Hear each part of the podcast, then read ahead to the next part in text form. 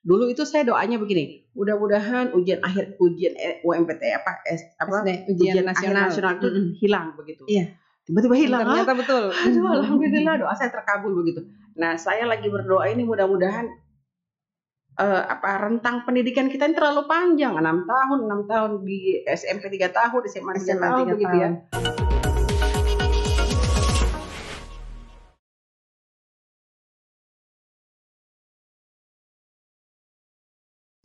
Assalamualaikum warahmatullahi wabarakatuh. Waalaikumsalam Ya. warahmatullahi wabarakatuh. Jumpa lagi di podcast ini, podcast yang selalu menginspirasi. Insya Allah akan selalu menginspirasi semua orang. Dan kali ini saya ditemani oleh seorang inspirator juga, Ibu Upik Najamudin. Masya Allah. Iya, Saya itu Bu Fem dari Iya. pertama kali Bu Femi posting ada podcast. ya podcast Ah. seperti ini. Saya tuh pikir saya mau tahunan tidak ya? Cuma saya lihat Bu Upik sibuk sekali. Soalnya eh, orang-orang yang orang-orang yang selama ini kalau saya lihat perjalanannya eh, benar-benar orang yang eh, punya banyak karya, banyak cerita dalam kehidupannya. Iya. Orang-orang tidak sembarang ini ya, tidak sembarang cerita, tidak sembarang podcast gitu ya, tapi ada ada inspirasi buat yang lain, memberikan warna buat orang lain. Jadi saya pikir, aduh, kayaknya tidak. Jadi waktu itu kayak bilang pertama kali itu saya agak baik-baik, aduh butuh ini, butuh ini gitu. Iya, saya kan sudah berapa kali saya bilang, ah, saya mau hubungi Ibu Upik, ah, saya bilang begitu kan. Cuma ya saya lihat sibuk, ah nanti Jo kalau ini saya Dan buat kami eh, tahu itu hadiah Ah. ulang tahun buat saya. itu. Masya Allah, iya, buat saya. saya bilang padahal kalau misalnya mau saat itu ada waktu saat itu Pas pasti saya itu ulang tahun. Heeh. Pas saya berangkat. Iya, Hmm. besoknya ulang tahun kan? Pas hari Saat itu, pas hari Oh, itu.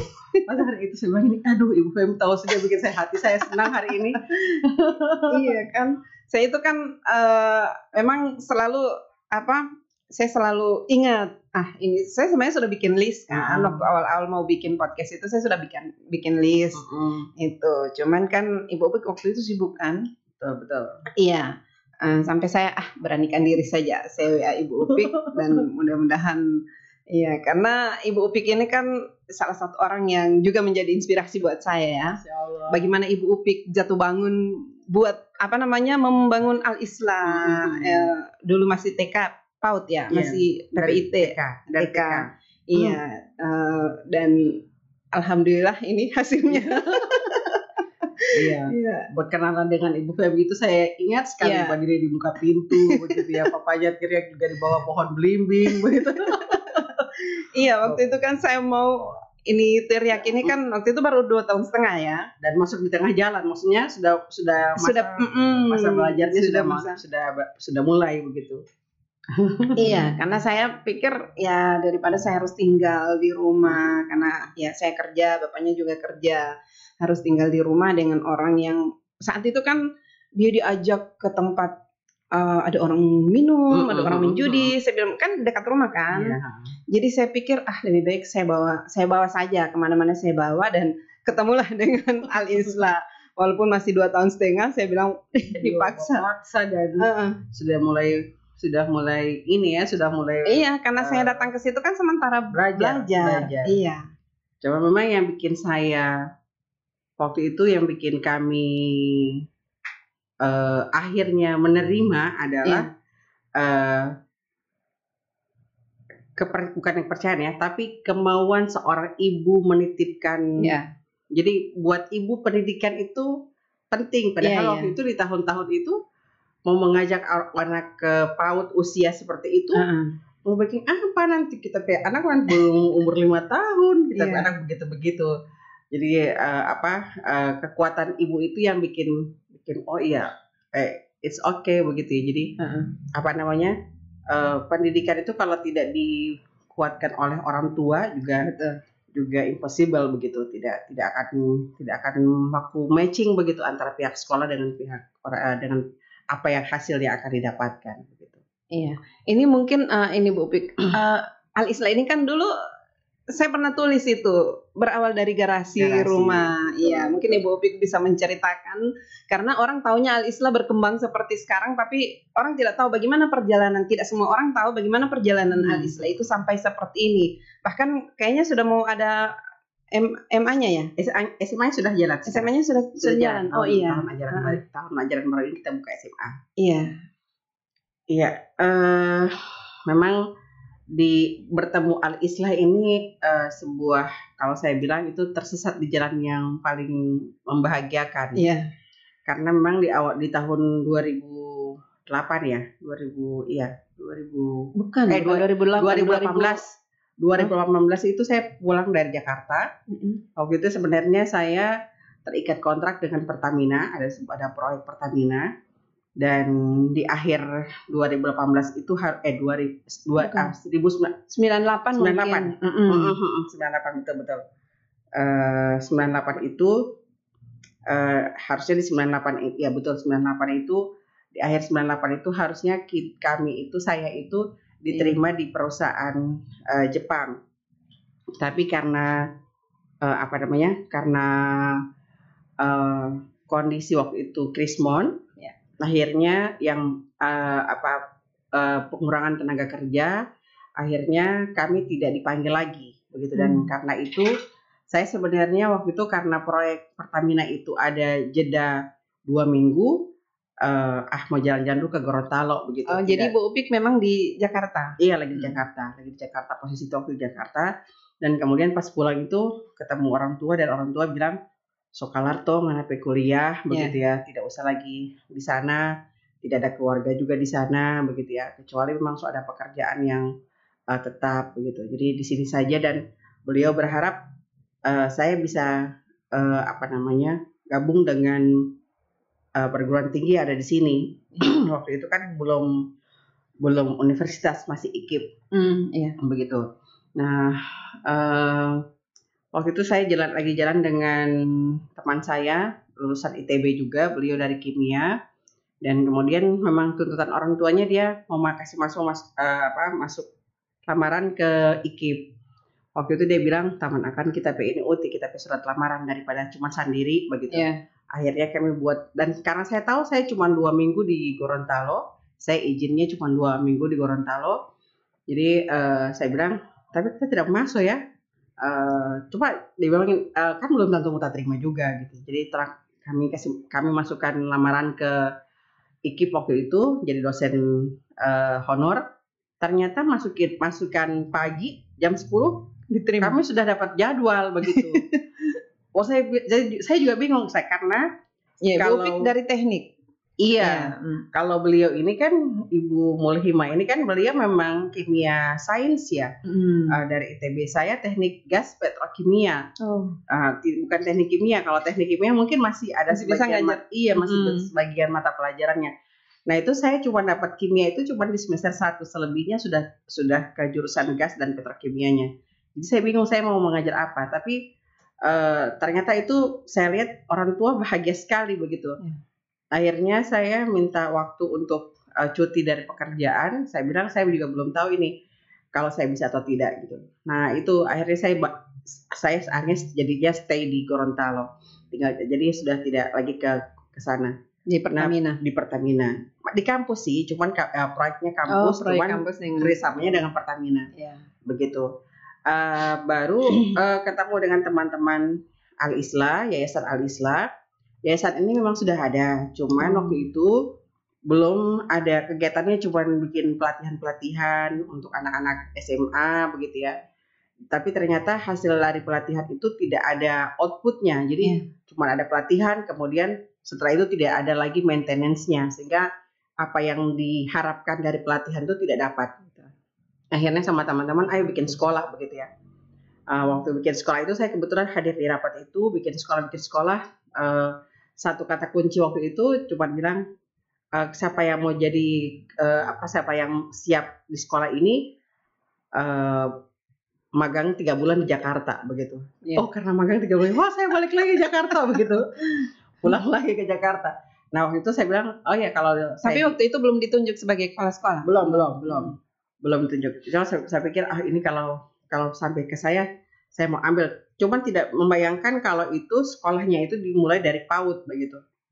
Tidak dari TK Iya. kebayang itu cuma bikin sekolah. Dan itu sama sekali di luar di luar ini ya di luar eh, apa ekspektasi begitu. Akhirnya eh, waktu itu dipanggil sama pengurus begitu ya. Cuma saya itu waktu itu berpikir oh ini dia mau kasih eh, apa namanya waktu dipanggil itu kan di zaman zaman itu di zaman zaman itu kalau ada panggilan dari eh, guru mengaji itu berarti mau diproses nikah begitu. Jadi saya pikir saya dipanggil ketemu hari ini wah so ada sto yang mau berniat baik begitu. GR duluan. Ternyata pas ternyata pas dikasih itu siap mau berangkat ke Jakarta. Untuk apa? Um begitu ya. Mau ini magang di PAUD. Hah magang di PAUD di TK gitu ya. Iya. Eh, cuma memang karena sukanya pulang ke Jakarta begitu ya pulang ke Jakarta karena orang tua sudah tidak mau lagi membiayai kalau pulang ke Jakarta Iya. gitu. Jadi saya ambil tantangan itu. Ya sudah eh, belajar gitu. Jadi belajarlah kami tiga bulan di Nurul Fikri. Berapa orang? Saya sendiri. Oh, iya. Mungkin dipikir kalau punya yayasan kan ya waktu itu yayasan belum ada dana dana yang besar ya. Jadi ke, ke sana itu mengutus orang yang sudah tahu medan Jakartanya begitu ya. Dan dia tahu bagaimana eh, bisa bisa hidup di di sana begitu eh, tanpa ini apa dengan support yang keterbatasan dana dari yayasan begitu.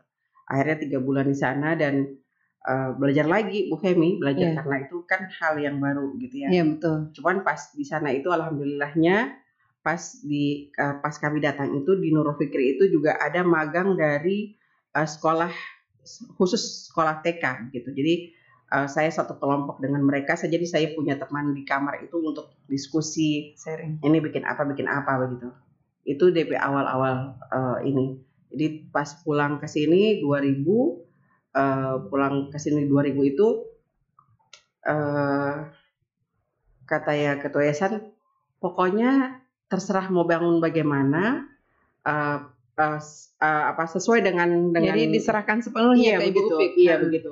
Kami juga bingung karena tidak ada tanpa begitu Iya. ya dan kemudian beberapa kali orang tua eh, apa kami tawarkan ke orang tua ini hal yang baru dan eh, masa sih ada anak sekolah eh ada anak yang belum usia lima tahun mau diajak ke sekolah Iya. karena ini itu tak itu tahun-tahun 2000 itu belum ada PAUD. PAUD belum Iya. ada PAUD begitu yang kami sasar itu memang anak-anak usia 3-4 tahun begitu ya. Eh eh, apa namanya eh, waktu itu kami dari turun dari rumah ke rumah begitu ya. Tapi turun dari rumah ke rumah itu pun kalau ditanya di mana Pak DP di mana DP sekolah? Belum, Belum tahu. belum tahu. Pokoknya kalau ada siswa kami selalu usahakan kami ada di mana begitu ya. Dan eh, apa eh, waktu itu eh, alhamdulillah sih ada ada yang punya yayasan kemudian eh, beliau kontrak rumah dia tidak dan rumahnya besar di perumahan di perumahan. Dan kemudian kan beliau juga tidak punya mobil jadilah garasi itu. Memang kontrak rumah itu sudah rumahnya sudah ada garasi. Dan akhirnya garasi itu yang tempat kita awalnya al islah waktu itu alhamdulillah kita dapat siswa itu paling banyak dari orang tua orang tua dari cendekia Oh. ya apa orang tua yang orang tua orang Jawa ya yang apa Hmm. Dari luar daerah yang kemudian eh, mereka tahu kalau usia segitu sudah bisa anak-anak sudah bisa sekolah begitu 12 tadinya yang mendaftar itu Bu Femi 25 25 Oh. anak tapi akhirnya yang bertahan itu 12 yang Kenapa bertahan. keluar? karena satu-satunya PAUD yang berbayar waktu itu Oh dulu Dulu dulu, kan PAUD ya. Iya, tidak ada tidak ada bayaran begitu ya, tidak ada bayaran kemudian PAUD berbayar dan ini eh, usia 3 4 tahun eh, banyak anak-anak dan orang tua tidak boleh menjaga begitu ya. Hmm. Karena waktu itu menjaga itu kan eh, mengganggu sebenarnya. tempatnya kecil, Kecil, ya, mm. kecil begitu di perumahan tidak ada tempat duduk begitu ya.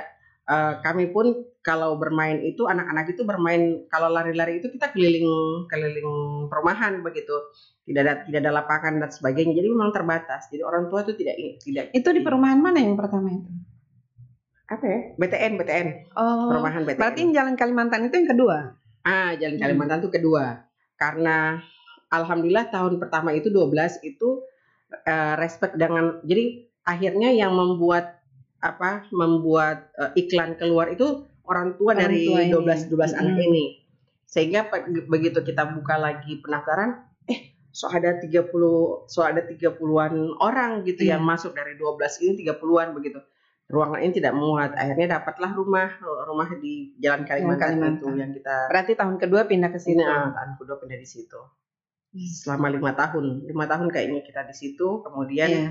eh, lima tahun itu bertambah ya. Teriak itu angkatan keberapa ya? Ketiga, Teriak? ketiga kalau tidak salah. Mm-mm. Hmm. Jadi eh, jadi dari 12 kemudian naik 36, kemudian jadi 47, kemudian 80 begitu eh, kelipatannya dan an- orang anak-anak yang soal lulus ini eh, apa orang tua orang tua yang sudah anaknya sudah lulus itu merasakan bapak habis ini habis habis TK mau ke mana Iya. begitu ya. Eh, akhirnya kita dan kebetulan waktu itu ada kepala Bambu Amalat Ya, Pak Nah, Mudikdo. Pak Pak Mudikdo. beliau yang support bikin SD begitu. Jadi eh, apa? Beliau yang ayo dan rapat-rapat itu di rumahnya beliau, rapat-rapat awal SD itu. Begitu. Akhirnya alhamdulillah di 2000 2005 kita bu- buat buat SD begitu ya. Yang tadinya juga dari SDIT kemudian eh, pindah jadi MIT begitu ya. Kemudian di dua tahun 2010 kita punya ya 2010 2010 kita punya MTS Iya. 2010 dan alhamdulillah di 2010 tahun ini di 2020 ini kita 2021 ini kita punya SMA gitu. SMA-nya di mana? masih gabung di ini Di masih MTS. gabung, gabung di MTS Iya, itu guru awalnya itu gurunya ada berapa banyak?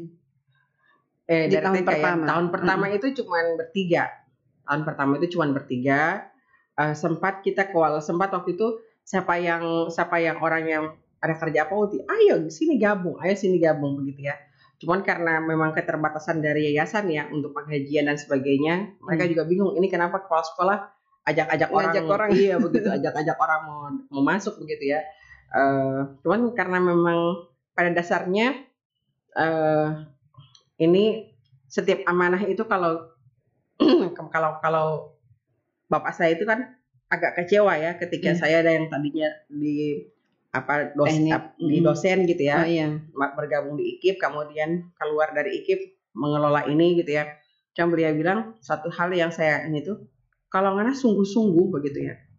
Kalau ngana yakin dengan jalan ini dan ngana sungguh-sungguh eh, kerjakan dengan sebaik-baiknya dan eh, apa eh, ngana bikin prestasi begitu. Iya. Walaupun bingung juga ya prestasi apa ya begitu maksudnya tidak terpikir kalau eh, yang penting ambil dulu deh sungguh-sungguh. Prestasinya terserah begitu. Karena waktu itu eh ya dari teknik kemudian mengajar anak TK begitu.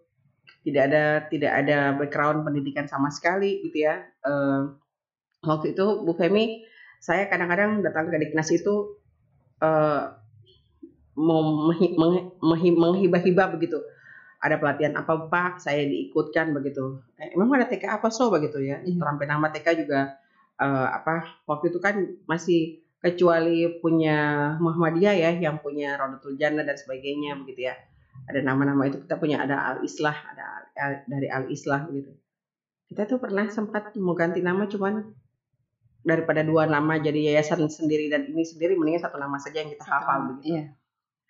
baru apa eh eh, akhirnya teman-teman itu kita itu ini ya saya saya eh, apa saya kadang-kadang tidak enak hati untuk cerita ini tapi jadi jadi sebuah semangat sebenarnya ya dua tahun itu kami tidak digaji Hmm. sama yayasan karena bukan tidak Jadi mau memang bekerja lillahi ta'ala. Eh, bukan karena tidak mau memang karena tidak ada gitu Iya. ya jadi memang tidak ada Eh, full memang asli eh, apa SPP itu SPP itu habis Untuk dengan fasilitas. operasional operasional sehari-hari gitu ya dan eh, tapi yang enaknya itu yayasan itu begini eh, setiap pekan kami dikuatkan begitu ya. Dikuatkan dan kita diminta untuk ayo bikin bikin bikin karya bikin karya bikin kreativitas gitu. Dan orang tua yang bikin kami semangat itu juga orang tua yang mengantar ini kayak percaya sekali begitu ya. Iya. jadi saya bilang saya pintar berbohong atau? Soalnya memang orang tua itu luar biasa begitu. Orang tua itu uh, awal-awal itu kan ada anaknya Pak Rusdin, Kibu gitu ini, ya. Bu, ya Mufid kan. Uh, bukan bukan Oh. Rika Rika. Oh, yang Modrika, Modrika, Mm. kemudian ada eh, apa eh, anaknya Pak Helmi, Jahra gitu ya.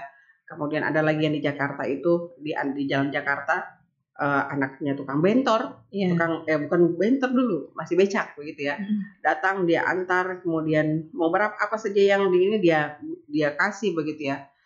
Orang tua orang tua itu kalau pagi-pagi itu semangat sekali begitu. Iya. Jadi kami juga ter apa ya? eh, jadi orang tua, jadi memang eh, keunggulan al islah itu di ada di orang tuanya begitu ya kepercayaan orang tua itu matanya orang tua itu bikin kami guru itu macam apa ya eh jangan bilang capek kan anak orang tua bahagia subhanallah begitu ya Iya. jadi mel- apa capek semua itu hilang dengan kepercayaan orang tua begitu Iya, tapi kan iya orang tua itu kan percaya karena dia melihat kualitasnya memang Hmm. ada anaknya yang benar-benar maksudnya menyekolahkan di situ tidak mengecewakan begitu. Mungkin itulah sampai eh, promosi dari mulut ke mulut itu eh, saya saja kan ketika Tiriak itu masih saya masih ikut-ikut ke mana-mana itu kan ada teman saya Taib, Taib Saleh, dokter Taib. Heeh, Dia yang bilang sebenarnya, coba Femi kasih sekolah di situ, di Al Islah.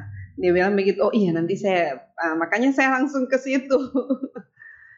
Iya, apa dulu apa namanya eh, kami karena begini ya, karena kalau saya sih eh, eh, waktu itu saya bilang ke teman-teman, orang tidak ada yang punya latar belakang pendidikan begitu ya. Jadi bagaimana ini bagaimana ini mau jadi apa apa orang tua apa mau begitu ya, Iya. apa orang tua apa mau dan dan kemudian itu ayo kita buat dengan sebaik-baiknya gitu. Jadi alhamdulillah kan aku dapat eh, Pak Rusdin gitu ya, kemudian orang tua orang tua di Cendekia begitu. Mereka tiap kali bertemu itu eh, me- eh, antar dan menjemput anak itu selalu eh, kayaknya di sini Hmm. di sini Oh. belum eh, kayaknya yang Hmm. ini tidak pas begitu pendidikan yang ini tidak pas atau misalnya kalau kayak Pak Rusdin eh, baca anak hadisnya salah dan sebagainya. Nah itu kita perbaiki lagi, kita Iya. perbaiki lagi begitu ya. Eh, saya selalu bilang, saya selalu bilang ke teman-teman, jangan takut orang kritik begitu, karena kalau orang kritik itu sebenarnya eh, dia lagi sayang sama orang untuk memperbaiki diri begitu. Iya. Jangan lihat DP, jangan lihat eh, bagaimana DP cara menyampaikan, mau dia marah-marah kek, mau dia pemaki kek begitu ya. Lihat isi, isi apa yang disampaikan begitu. Kalau orang fokus di marah-marahnya, orang tidak mau, orang paling baper begitu, Iya. berhenti, melaju dan sebagainya. Tapi kalau orang lihat DP isi apa sih yang dia ada bilang itu sebenarnya begitu ya. Nah itu yang ini Jadi positive thinking. Mhm, begitu. Karena kalau saya eh, apa ya saya berpikir kalau kalau tidak begitu Allah orang tidak bisa Tidak bisa introspeksi ya, Mhm, tidak dan bisa. karena ini kan hal baru dunia baru begitu. Eh, di Diknas itu pun orang di ini kenapa dia bukan bukan TK begitu ada ada yang baru tidak ada nama dulu belum dulu itu belum namanya belum kita belum kenal nama PAUD waktu itu Di- TKIT kalau tidak salah. Eh, sempat kita keluar dengan eh, eh, apa TK Quran, TK, Oh, TK iya. Quran, TK, ya TK Ki begitu. Mm. Ta- Taman Taman Quran, TK begitu, Taman Quran. Cuman eh, apa namanya agak berat begitu ya karena karena kami pun tidak punya orang yang spesialis dengan itu eh, keluar. Jadi kemudian pindah ke TKIT. Eh, TKIT. Nah, TKIT ini kan kalau dia TK usia kan dipangkas lagi di usia sama Oh, betul. tidak bisa begitu Mm. karena usianya belum ma- belum ma- belum masuk begitu. Jadi kita belum ini, cuman waktu itu Bu Femi, saya pernah itu ikut pelatihan ikut pelatihan guru-guru TK itu, saya yang angkat. Saya bawa sendiri saya kursi, saya bawa sendiri saya pe makan Di konsumsi. mana? Waktu itu pelatihan di di kota di kota utara itu kalau Memang tidak ada biayanya. eh nama namanya nama sekolah kita tidak termasuk ini tidak termasuk peserta sehingga saya bilang begini Oh. pak saya tidak butuh uang duduknya saya tidak butuh saya butuh ilmunya, Ilmunya. Begitu. Jadi kalau saya tidak ada kursi saya bawa kursi sendiri. Kalau saya konsumsi saya tidak bisa makan di situ saya bawa makan sendiri. Yang penting Iya. saya bisa di situ begitu itu pernah begitu. Dan mungkin karena kelakuan begitu jadi perhatian orang ya begitu. Karena eh, kalau kursi akhirnya disediakan kursi cuman bawa sendiri konsumsi bawa Iya. rantang sendiri begitu. Ikut pelatihan ikut pelatihan. Uh, baru juga uh, kalau ikut lomba-lomba karena karena ada orang tuanya siswa yang bilang harus ikut lomba biar nama itu tak cumu begitu yeah. ya nama itu tak cumu begitu. Dan kalau perlu uh, keluar kamar harus juara. Bagaimana caranya? Apa uh, disogok jurinya. Wow parah, parah juga juri. Maksudnya dia bilang itu biar biar juara biar cuma juara ke enam begitu. Yang penting tapi tak cumu. Hmm. ada ada al islam ada sekolah begitu gitu itu itu orang bagaimana supportnya orang-orang tua pada waktu itu begitu. Yeah seperti itu Bu Femi. Jadi memang dari tiga, kemudian uh, gurunya tiga orang, kemudian uh, berlipat enam, delapan begitu sampai sekarang. Saya sudah tidak tahu ya. Dulu iya banyak sekali sekarang. Dulu saya meninggalkan, uh, saya sekarang sudah tidak di mm -hmm, Islah ya. Itulah, uh, kenapa mm. Ibu Upik uh, tinggalkan itu? Jabatan tertinggi itu direktur. Oh direktur waktu itu ya. Uh, jabatan tertinggi itu direktur dan uh, setelah direktur sudah tidak ada lagi jabatan kecuali yayasan ya pindah ke yeah. yayasan. Mm. Sementara di bawah saya saya sudah 17 tahun di Al Islah begitu ya membersamai Al Islah uh, uh, tidak ber, tidak apa ya buat saya tidak berjalan uh, apa ya kaderisasi, kaderisasi hmm. atau misalnya apa namanya apa deh istilah itu ya jenjang karirnya teman-teman tidak oh, bisa betul. begitu karena direkturnya stay di situ begitu dan waktu itu juga saya juga bingung Bu Femi, saya mau bikin apa ya begitu hmm. setelah sistemnya sudah terbentuk apa semuanya gitu. Waktu itu waktu itu saya punya ide SMA, kita mau bikin SMA. Sudah beberapa kali rapat SMA, tapi saya ingin bikin SMA yang begini Bu Femi. Tahun pertama itu dia uh, dengan Quran. Tidak mesti harus ha tidak uh, tidak mesti harus hafal 30 juz, yeah. tapi dia benar-benar walaupun dia cuma lima juz tapi lima juz yang dia hafal seperti hafalnya Al-Fatihah gitu ya. Yeah. Dia hafal betul-betul. Itu di tahun pertama. Tahun kedua dia skill. Kita taruh dia skill. Hmm. Dia mau apa? Begitu ya. Dia mau mau berusaha, kita kita kita kerjasama dengan dengan uh, apa namanya? dengan pihak ketiga dia mau usaha apa? Mau menjahit, kita magangkan di tempat menjahit, dia yeah. mau ini. Tapi bukan SMK. Nanti tahun ketiga baru dia belajar akademiknya gitu. Hmm. Cuman saya waktu saya bilang begitu yayasan ini ide dari mana begitu ya. ini ini apa begitu karena karena memang karena SMA kan mungkin diatur juga oleh kurikulum. Iya kan? betul hmm. betul. Itu yang uh, apakah kita itu kan tidak di tidak dikenal di, di dunia pendidikan seperti yeah. itu begitu. Karena saya tuh ber, berpikir waktu itu saya pengen anak-anak itu benar-benar ketika dia SMA kelar, kelar itu dia tahu dia mau kuliah di mana begitu. Karena Kalo, semua sudah di sudah diberikan uh, uh, begitu. Ya. Jadi dia mau apa? Dia mau dia, uh, dia mau dia mau di film. Uh, yeah. Ayo kita ini kan seperti apa? Dia hmm. mau di desain grafis. Ayo. Yang penting dasarnya sudah Yang ada. penting ada dasarnya begitu ya. Uh, dan kalau saya lihat ini kan, uh, saya lihat ini tiap tahun uh, apa antusias dengan PNS ini tinggi begitu. Betul. Sementara negara tidak mungkin akan me mengangkat mereka jadi semua, PNS semua begitu begitu ya. Kalau lihat honor-honor orang yang orang yang menggantungkan hidup di di di ini tuh banyak sekali begitu. Iya dan akhirnya kan tidak ketika honor dipangkas dan sebagainya itu kan juga membuat ya, apa apalagi eselon juga kan iya mulai dipangkas mulai dipangkas mulai dirampingkan lagi hmm. ya. sekarang malah PNS itu bukan lagi PNS kan PPPK -uh. yang yeah. yang baru-baru ini ya begitu yeah. iya seperti itu jadi kontrak-kontrak begitu uh -uh. nah itu yang ya, saya pengen anak-anak itu uh, mereka tahu begitu dan ketika keluar itu dia bermanfaat. Dia yeah. apa yang dia bikin dan dia bermanfaat untuk jadi sudah diberi jalan. Uh -uh, begitu. Diberi jalan beri peluang uh -uh. untuk setelah itu dia mau ngapain. Betul betul. Kayaknya itu yang kalau buat saya uh, apa masih ada masih ada celah pendidikan setelah SMA dengan perguruan tinggi dan kemudian dunia kerja begitu. Yeah. itu. Nah 2017 akhirnya uh, itu juga waktu 2016 itu kan saya naik haji waktu naik haji itu saya doa yang saya ulang-ulang begitu ya bahwa kalau memang saya itu di pendidikan, yeah. kasih saya challenge begitu apa hmm. tantangan baru apa ya sesuatu begitu. Tapi kalau saya tidak di pendidikan, uh, kalau saya terjunnya ke politik begitu, kasih saya kekuatan untuk di politik begitu. Jadi pilihkan buat saya mana yang mana yang pas gitu. Jadi du- 2016 itu sebenarnya sudah sudah itu doa saya begitu. Karena memang juga di saya lihat di Al Islah itu eh, apa ya eh, jenjang karirnya yang tidak berjalan, kemudian eh, stagnan, butuh orang baru begitu. Kan sudah 17 tahun dalam dalam masa kepemimpinan juga tidak bagus kalau eh, seorang pemimpin itu ada di Nanti tidak ada inovasi lagi. cukup dua periode sebenarnya ya Iya. kalau tidak boleh nyerempet nyerempet ke politik di pembicaraannya cukup dua periode karena karena so, sudah selesai masa apa ya masa masa dia ber, berkreativitas di tempat yang sama itu begitu dia harus Jenuh. jenuh iya Mm-mm. begitu masa stucknya stucknya stag- stagnannya Stagnan. dia begitu jadi saya pikir al ini jangan-jangan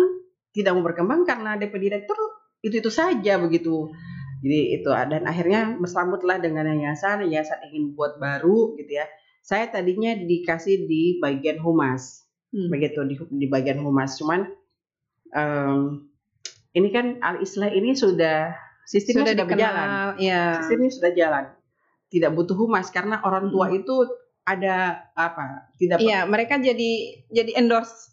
mereka Iya. orang tua yang jadi jadi endorse di situ betul kan. betul. Orang tua itu sudah sudah ini sendiri begitu include di dalamnya begitu ya. Mereka tidak butuh tidak butuh apa namanya eh, apa tidak butuh eh, perantara untuk berbicara di al islah begitu. Iya. dan kemudian eh, sudah ininya sendiri begitu. Akhirnya saya tidak ini. Dan waktu itu saya pikir oh berarti saya tidak berarti Allah itu mintanya saya tidak di pendidikan lagi begitu. Hmm. nah tapi sekarang saya pegang dua sekolah saya sekarang Yang dua SMA itu. Kamu tidak, tidak. Saya Oh. sudah tidak di Al Islah lagi. Oh. 2019 ini Hmm. mungkin eh, informasi yang yang belum terblow up gitu Iya. ya. Karena beberapa teman teman-teman saya saya SMA waktu reuni-reuni ini waktu saya bilang eh titik pas saya pe sekolah lagi. Mau yang mana so nggak pe sekolah begitu Iya, ya. iya. Nah 2019 itu setelah saya tidak eh, di, di politik Al- juga tidak Hmm. tidak tadudu begitu ya. Eh, tiba-tiba ada tawaran dari eh, Fajrul Ulum. Fajrul Ulum itu di dekat sentral Oh, di belakang pegadaian. Iya. Nah, ada sekolah di situ. eh, yayasannya meminta perubahan manajemen. Nah, saya di situ sekarang di Hmm. Fajrul Ulum. Sekarang kita sudah ada eh, apa eh, TPA, iya. TPA, TK sama SD. SD baru kelas 2. Muridnya orang-orang di situ, di sekitar Eh, situ. Iya, sekitar situ, sekitar Hmm. situ.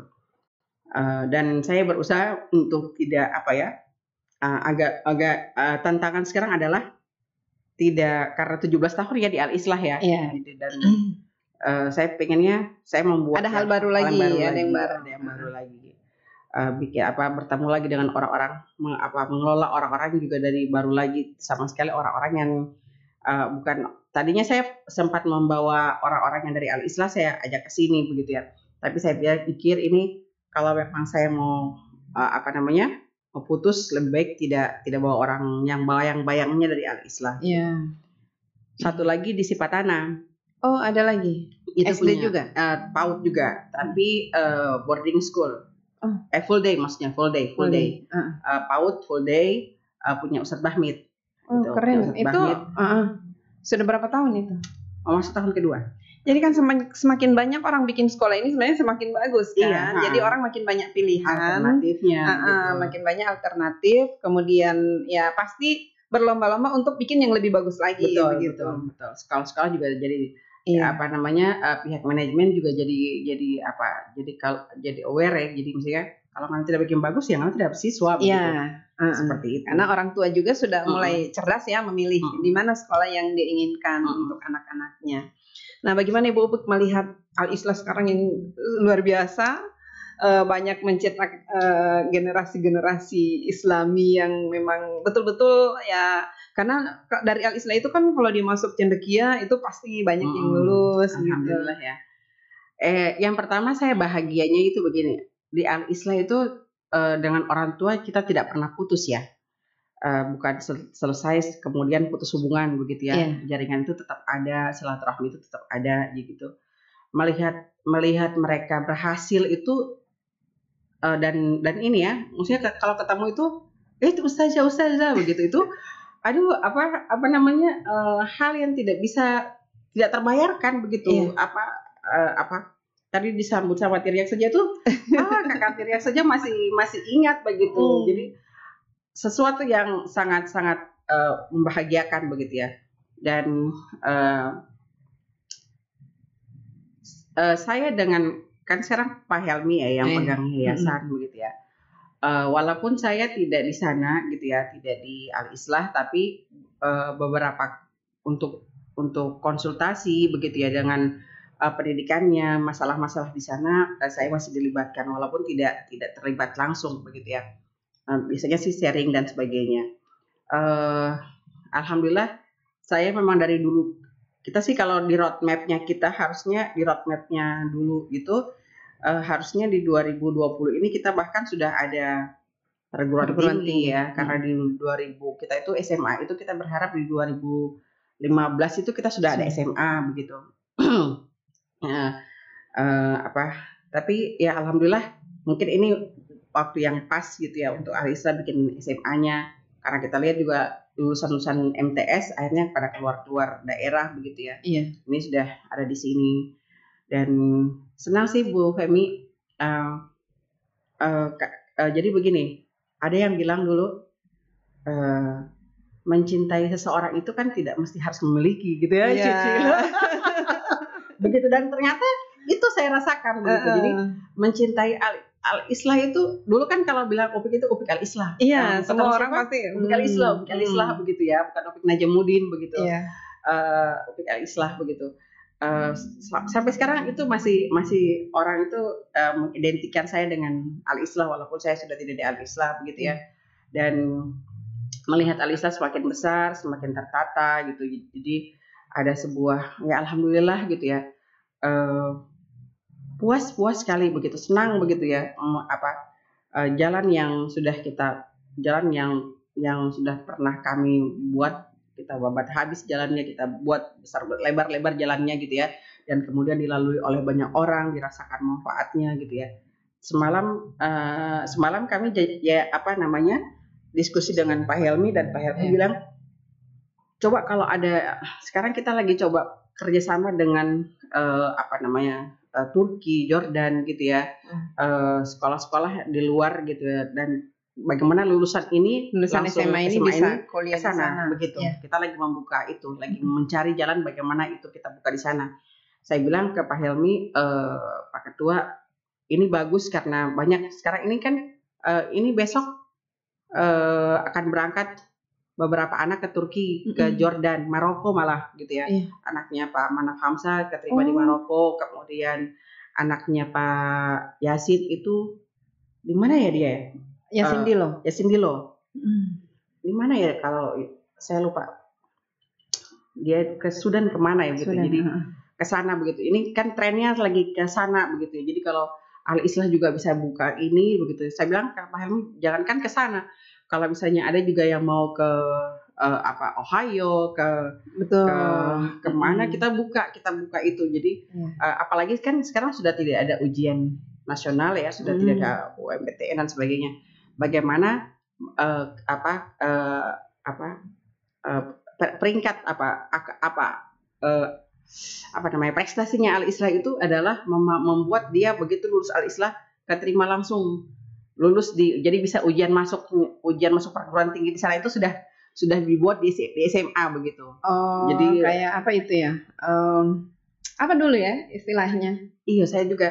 Kalau saya itu kalau nonton-nonton film-film barat itu kan kalau anak-anak SMA itu dorang jaga bapik, dorang di Anu, perguruan Iya, jadi mana kan begitu. kayak ya di Amerika misalnya itu kan mereka begitu masih SMA itu kan sudah mengapply beberapa perguruan tinggi, tinggi, ada yang malah sampai lulus tiga perguruan tinggi, Tinggi, kemudian disuruh memilih mm-mm. yang mana. Ah, begitu begitu. Itu.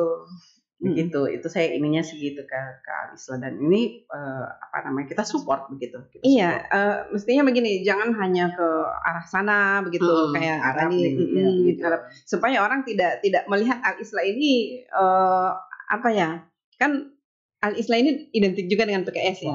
Ah, Eh, iya, karena Uh-uh. banyak orang-orang di sana yang pengurus PKS. Ya, gitu saya Ah. saja waktu dengan type itu dia bilang begini, kan kasih sekolah di sini Jo, itu orang eh, orang PKS punya begitu.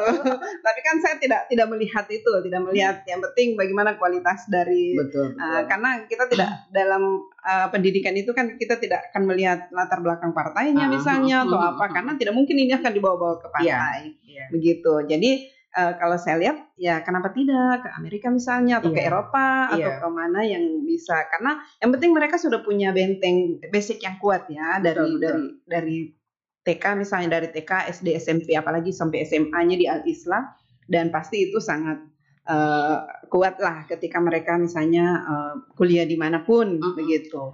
Eh, kan kita kita pengen eh, walaupun dia di IKJ misalnya Mm. gitu kakak tiryak di IKJ tapi tetap dengan eh, apa namanya ibadahnya tetap baik begitu Iya. ya begitu yang penting gitu gitu ya Eh, eh, mau di universitas eh, apa, apa ambil hukum gitu ya karena kita memang memang kalau mau mau mau apa ya mau mengurus negara ini kita butuh pemimpin-pemimpin yang yang penting dasarnya bagus gitu ya Iya. kuat kemudian dia bisa masuk dari ekonominya dari hukumnya dari semuanya begitu seperti itu nah saya bilang sama Pak Helmi tadi malam ayo Pak kita cari Pak ininya Iya, eh, linknya seperti cari apa link. begitu Uh-uh. seperti itu nah itu yang kita coba karena memang eh tantangan eh, apa ya al- teman-teman Alisla ini kan tantangannya cendekia ya Iya. gitu. Jadi kita pengen punya ini yang baru. Kita pengen punya apa eh, alternatif. Kalau ada orang ke cendekia ya sudah. Kalau di Al Islah berarti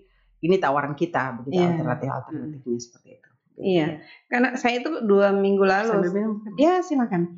Ya itu dua minggu lalu mungkin ya eh, podcast dengan Iwan Musafir itu yang di Hmm. Amerika. Mhm. Kemudian minggu lalu ini belum tayang. Ya. Dengan eh, yang pernah dengan Pak Torik itu. Dia SMA satu tahun di Amerika kan. Mhm. Jadi dia dia tembus eh, kan di Amerika itu ada program untuk anak-anak SMA Mhm. eh, bisa sekolah satu tahun di sana gitu. Mm. Tapi dari kelas 1 dia sudah harus ikut seleksi itu. Mungkin Al Islam bisa bisa ikut seleksi seperti itu dan kelas 3 itu dia akan ke sana begitu. Oh sekarang kita ada. Sekarang di Oh, Al iya? Islah ada. Oh. Eh, eh, lagi tahap terakhir ini menunggu wawancara terakhir. Mm. Kalau ini lulus dia ke Jepang. Oh. Ke Jepang dua tahun di sana. Iya. Sekolahnya di sana dua Mm. tahun.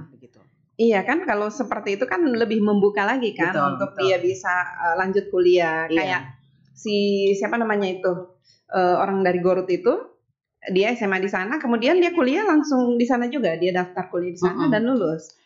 kemarin ada anak yang al islah kemarin ada lulusan al islah yang kemudian SMA-nya di Nurul Fikri Lembang anaknya Bu Livi Oh betul Alfian, betul itu Alfian. memang Mm-mm. si calon pak dokter ini Eh, jadi beliau eh, si beliau ini saya kalau pak saya sebut dia itu dengan Syekh. Jadi beliau ini eh, kelas 2-nya mereka di Jordan. Dan di Jordan karena eh, bahasa Arabnya bagus hadis eh, penguasaan hadisnya Apalagi, bagus. iya. dia di ini ditahan jadi mau semua ditawarin kuliah di sana. Begitu nanti eh, begitu dia kelas 3 dia balik sebentar ke ke Indonesia untuk Mm. ujian baru nanti dia lanjut lagi ke Ya sana begitu. begitu. Jadi kelas 3 Mm. balik ke sini ujian baru lanjut lagi. Iya betul. Nah Mm. itu yang juga eh, ya akan coba di di apa di Iya. di Alislah. Iya. Sekarang kan Al Islah sudah besar nih Ibu Opik. Mm-mm. Al Islah sudah besar. Sekarang Ibu Opik masih merintis lagi yang kecil-kecil ya. Karena kita menganggap ini masih kecil ya, Mm, kayak betul, punya Pak betul. Bahmid Mm. itu, kemudian yang di sentral itu. Ya, Fajrul Ulum. Ah, ah. Ini eh, apakah konsepnya tetap seperti Al Islah atau memang benar-benar keluar dari Al Islah eh, konsep untuk pendidikannya? eh eh, karena kita gabungnya di jaringan sekolah Islam terpadu ya. Kita Hmm. punya jaringan sekolah Islam terpadu, kita basicnya ada di situ. Tapi eh, seperti di kalau di punya Ustadz Bahmid kan yang kita coba ini kan adalah eh, eh, apa eh, apa namanya karakternya Iya. Membangun ka- karakter kepada anak-anak begitu ya. Jadi kalau di di al islah di apa namanya di al islah itu eh, dengan al- kalau di dengan kalau di Ustadz Bahmid ini me- me- apa ya eh, dengan Al-Quran itu anak-anak itu akan mencari Al-Quran itu begitu. Jadi kita coba dia sendiri yang merasakan kebutuhannya. Jadi membaca Al-Quran itu adalah sebuah kebutuhan gitu ya. Itu yang kita bangun dari ininya. Dan kalau di Fajrul Ulum ini kan memang Fajrul Ulum ini memang sudah ada sebelum saya. Kalau kalau kalau Ustadz Bahmid ini dari nol dengan saya Oh. gitu ya, dari nol dengan saya gitu. Eh, kemudian kalau Fajrul Ulum ini saya melanjutkan apa yang sudah ada begitu karena eh, tadinya dipegang sama teman-teman eh, dinas gitu ya. Kemudian karena ada ada rolling eh, tidak ada lagi yang ditempatkan di situ. Akhirnya pihak yayasan perubahan manajemen dipegang sama saya. Jadi eh, punya yayasan itu karena kalau di situ beliau itu maunya eh, niatnya adalah eh, apa namanya eh, beliau membuat sekolah itu untuk investasi akhirnya akhiratnya beliau gitu ya yang di sentral. yang disentralin yang namanya Fajrul Ulum ini gitu ya. Jadi kemudian uh, kita tidak tidak lepas dari apa yang sudah di sudah ditata oleh yang pendahulunya gitu ya. Kita tinggal membalut itu dengan dengan uh, jaringan sekolah Islamnya sendiri begitu. Iya. Uh, beberapa sebenarnya yang kita buat ini yang SD ini saya tidak buat SD, SD kelas besar, saya buatnya SD kelasnya kecil Hmm. jadi private class Mm. gitu. Jadi cuma sampai 10 12 anak yang satu kelas. Kalau dia ada ada uh, 17 anak berarti kita bikinkan dua Bagi, kelas ah, begitu. Karena kita ingin anak-anak itu benar-benar uh, dan mereka juga ini ya. Jadi uh, di SD ini di, di- kalau kalau di TK-nya persiap jadi benar-benar untuk mempersiapkan anak ke pendidikan SD-nya.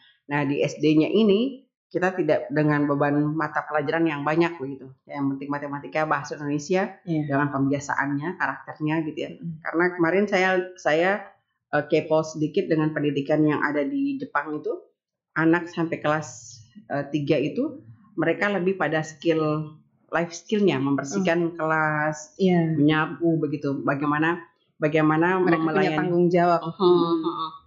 bagaimana melayani melayani temannya. Jadi ada ada ada yang bertugas membagikan piring makanan, ada yang bertugas membagikan nasi be- begitu setiap hari di rolling seperti Iya. piket waktu kita zaman-zaman kita. Nah, itu saya coba bikinkan di Fajrul Ulum gitu. Oh. Alhamdulillah sudah dua kelas. eh, kelas kelas duanya memang berlima lima lima anak. Dan kelas satunya kelas sudah delapan anak gitu. Alhamdulillah. Mudah-mudahan ini juga mimpinya ya itu tadi mimpinya begitu begitu mereka dan saya itu pengennya ini Umbu Femi ini kan SD terlalu pan- panjang ya 6 Iya, tahun enam begitu. tahun. Enam tahun Eh, saya selalu minta mudah-mudahan pas saya eh, mudah-mudahan pas lima tahun ini pas naik kelas 5 ada pemerintah kan dulu itu saya doanya begini mudah-mudahan ujian akhir ujian eh, UMPT apa S, apa SD, ujian, akhir nasional. nasional itu hilang begitu Iya. Tiba-tiba hilang ah. Ternyata betul. Aduh, alhamdulillah doa saya terkabul begitu. Nah, saya lagi berdoa ini mudah-mudahan eh, apa rentang pendidikan kita ini terlalu panjang, enam tahun, enam tahun di SMP 3 tahun, SMA 3 SMA tahun tiga begitu ya. Iya. Lulusnya itu kan Kakak Tirya sekarang umurnya berapa? 19, 19. begitu. Mm. Bisa tidak lulus dia. bisa tidak lulus eh, kuliah itu umur 20 tahun begitu. Iya. Sekarang juga tidak ada lagi akselerasi ya. Nah, itu saya pengennya memotong Akselerasinya itu kan ada. Saya Iya. pengen SD itu cukup lima tahun, SMP-nya cukup empat tahun, SMP Iya. SMA-nya begitu, jadi dua Hmm. tahun SMP, dua tahun SMA begitu ya. Jadi kalau orang itu kalau bilang kalau bicara dengan saya sama ini pikirannya pikiran gila begitu. Tapi tapi saya pengennya begini, eh, jangan dia lulus itu di usia 21, 22, eh 22, 23, Di saat orang 23 lain sudah iya, iya, di negara-negara lain dua tiga ini sudah sangat matang sudah punya sudah pegang perusahaan, sudah apa sendiri. begitu ya. Kita masih cari-cari kerja, lamaran di Iya. ASN pula begitu ya. Jadi tidak ada saya aduh ini ini juga sudah, 19 tahun dia sudah sudah bikin perusahaan sendiri sudah ada ya sudah ada kerjaan sendiri begitu kan enak begitu Uh, tanpa harus menunggu dia selesai kuliah, kuliah dia- iya. begitu enak begitu dan dan apa ya saya kemarin lihat juga anaknya Pak siapa anaknya Pak Pak Ro- Ronald Ronald Ronald Tagalung. Tagalung Iya. gitu ya itu juga anaknya saya juga pengen undang beliau ke sini Ah, betul. apa desain grafis gitu ya. Heeh. Eh, kemarin kan eh, ka- kalau tidak salah di IG atau di mana itu si ya siapa namanya Raffi supaya iya Raffi Raffi Eh, iya Raffi Tagalog ya. iya Raffi Raffi Ya, si Raffi ini dia desain kemudian dia jual hak ininya kemudian dia buat dia belikan kambing untuk uh, kurban gitu ya. jadi Iya.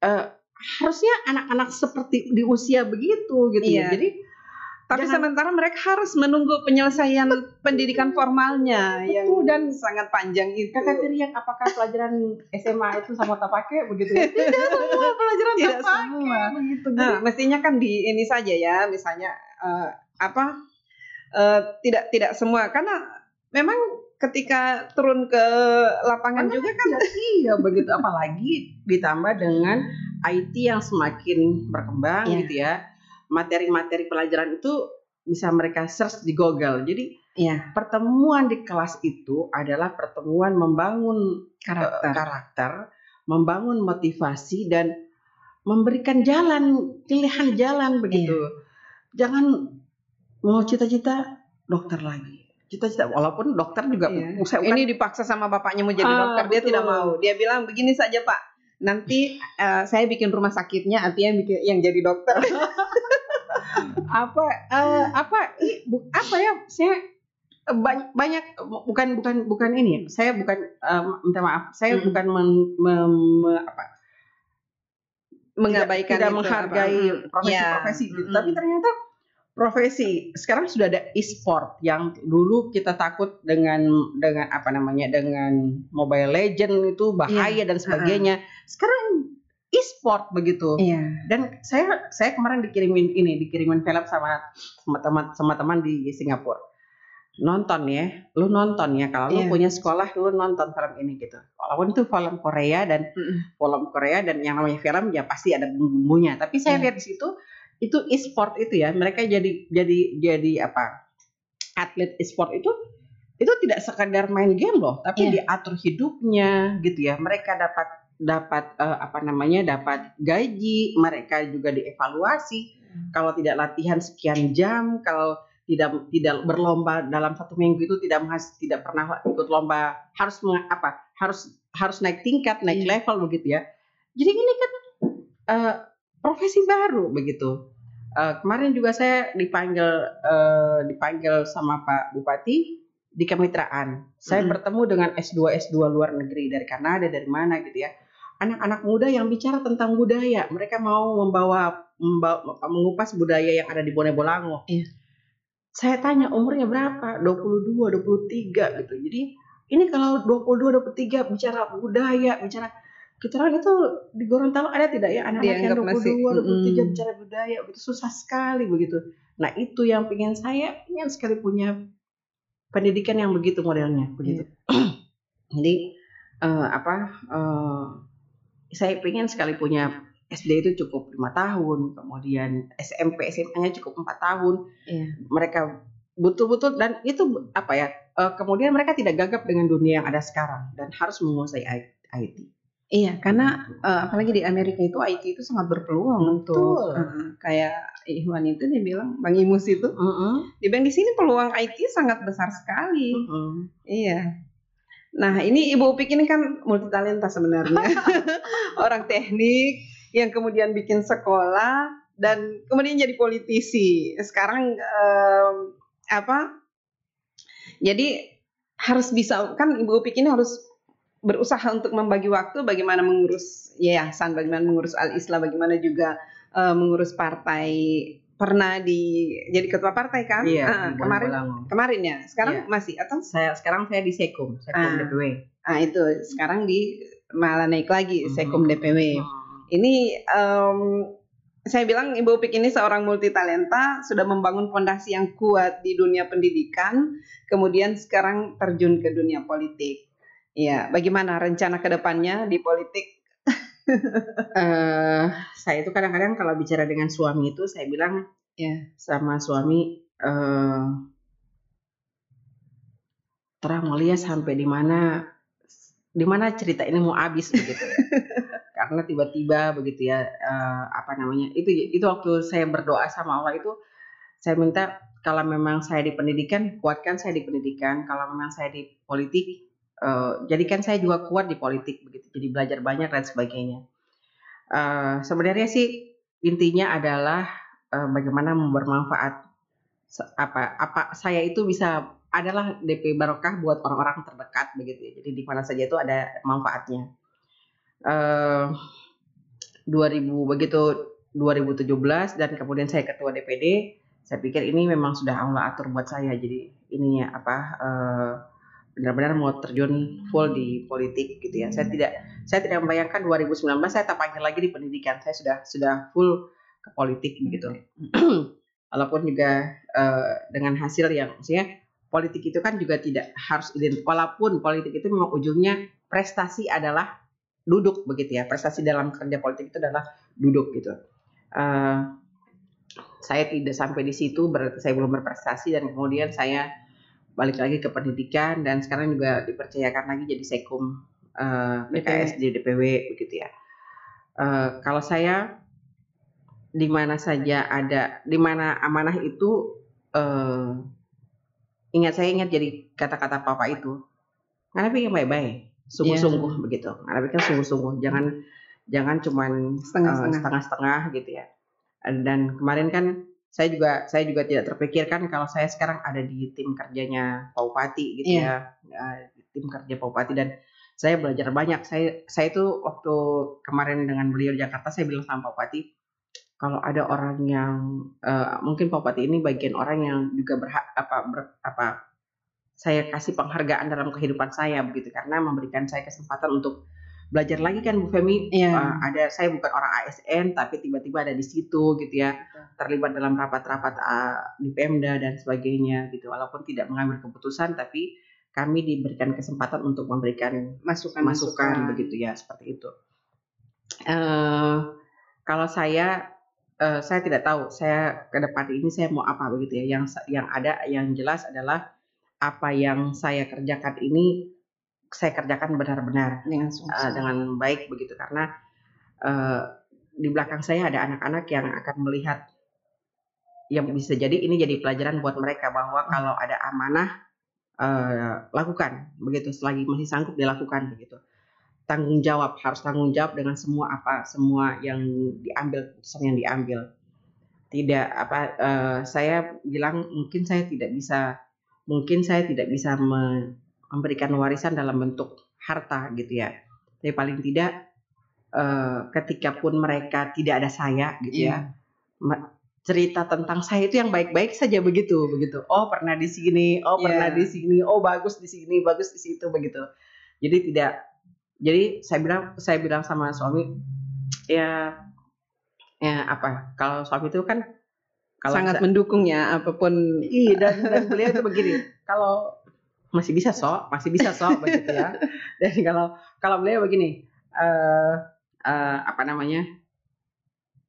Kalau lagi di luar berarti lagi sehat dia. Gitu. kalau sudah di rumah berarti Semua berarti dia butuh istirahat, dia butuh ini Iya. begitu. Jadi seperti itu eh, apa beliau itu jadi s- sangat support dan eh, saya bilang sama suami paling tidak yaitu eh, kalau kalau ini paling tidak anak-anak tahu bahwa dorampe orang tua eh, bikin yang baik-baik saja begitu Iya. tidak tidak itu. anaknya Bu Upi berapa Saya lima. lima Saya, ya? anak saya. yang yang waktu itu di Facebook itu yang paling besar ya itu ya? Yang mana Facebook ya? ada dia menang lomba Oh atau apa? oh itu Mm-mm. Faki. Jadi begini Mm-mm. eh, apa eh, Faki ini anak ketiga. iya dan dia suka dengan desain grafis. Uh, memang dari mungkin karena memang uh, suami saya itu suka melukis dan sebagainya gitu ya. Memang ada ada ininya di sana. Jadi anak-anak itu suka sekali mewarnai dan sebagainya. Nah, Fakih ini suka dengan meluk uh, desain grafis. Sekarang di Telkom, anak kuliah di Telkom, bagian di apa ambil desain grafis. Iya. Uh, kemarin uh, ada kelasnya Tiriak, eh kakak Tiriak kelas 3 dia kelas 1 ya?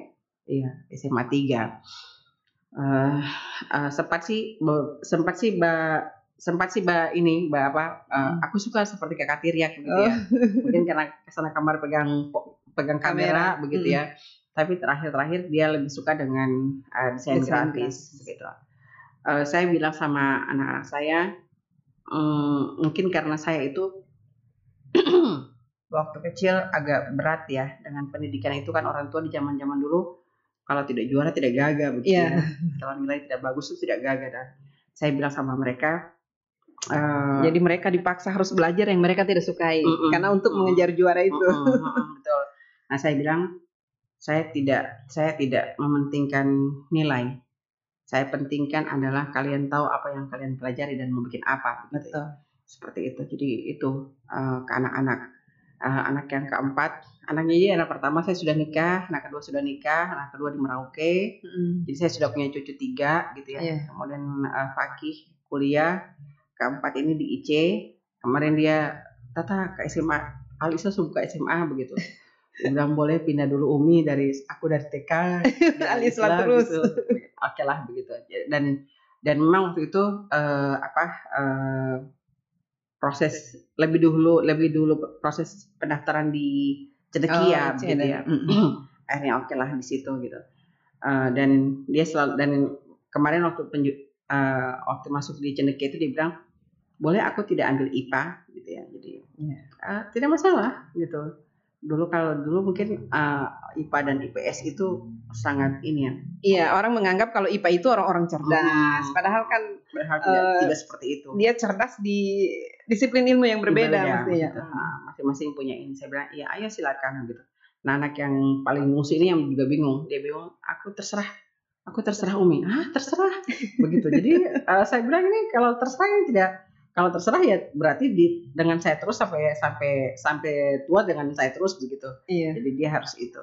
Nah, itu yang anak ketiga nih yang eh, apa anak yang terakhir ini yang lagi di lagi di apa dicoba dia ininya di mana begitu. Iya. Kemarin sih dia sempat sama kemarin sih sempat eh, apa kan memang sekarang ini kan dengan dunia game ya. Saya bilang, "Ayo kalau mau kalau mau jadi apa game ini jadi jadi sebuah eh, Bikin aplikasi profesi apa Mm-mm. ayo bikin gitu ayo di ini kan begitu tapi mungkin juga dengan fasilitas yang mungkin belum kita belum belum banyak ya di Gorontalo ini Iya. fasilitas-fasilitas untuk itu untuk belajar seperti itu Oke. itu Bu Fem Aduh, luar biasa. Satu jam ini kita. Satu jam ngobrol. Kita tidak terasa ya. Ya, obrolannya sih ringan-ringan. Tapi insya Allah bisa menginspirasi. Hmm. Iya, karena eh, Ibu Upik ini salah satu tokoh yang memang layak untuk membagikan pengalamannya ke banyak orang. belum sebenarnya jadi apa kan memang ba- bagusnya itu kan begini eh, dekat dengan Bu Femi apa manfaat saya berte- apa ber- berteman dengan Bu Femi begitu ya. Iya.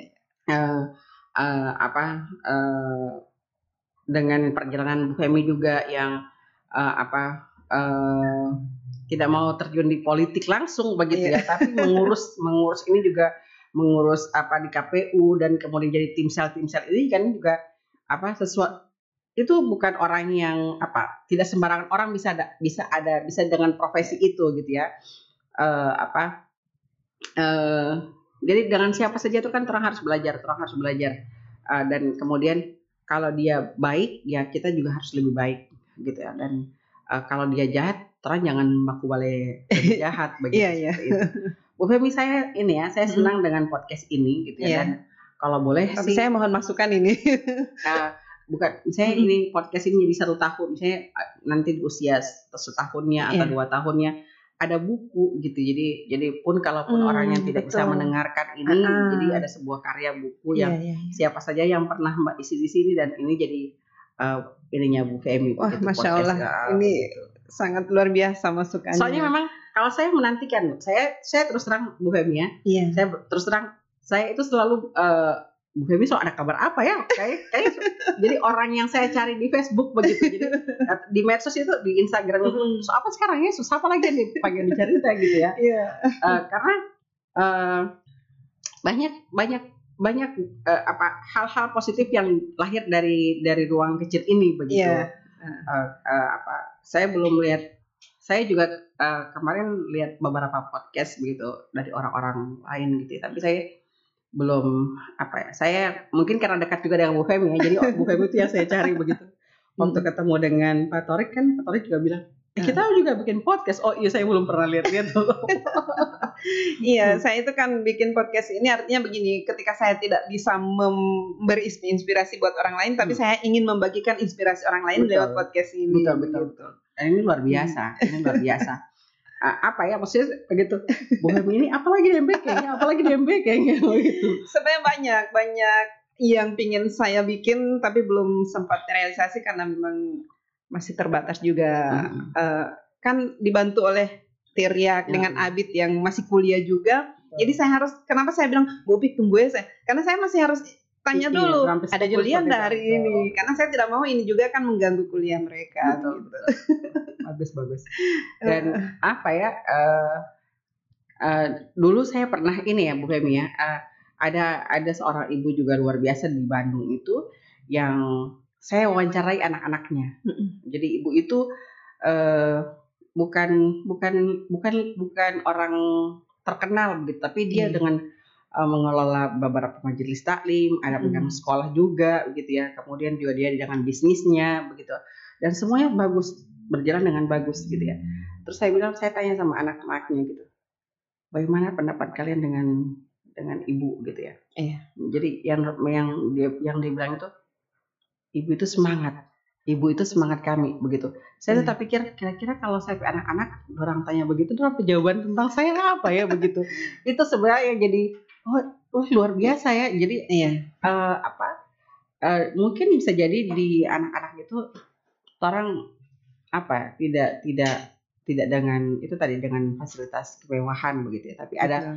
ada spirit yang dorong dapat dari dari Iya, dari minimal kita jadi contoh lah jadi buat contoh oh, mereka anak-anak. kayak tadi dia bilang ibu itu semangat Semangat, ya. ah. karena mereka bisa mencontoh semangat dari orang Ibu, tuanya mm, untuk gitu. Tidak mau putus asa, Betul. tidak mau begitu saja menyerah. tidak tidak apa ya jadi orang yang mengeluh-mengeluh aduh Iya. bagian ini bagian ini bagian ini begitu ya jadi ada ya nah itu yang saya itu pengennya nanti kapan-kapan kapan-kapan yang harus di podcast itu teriak begitu ya anak-anak anak-anak dari ibu-ibu yang sibuk-sibuk Iya, ini apa terapi pandangan tentang ibu-ibunya begitu betul.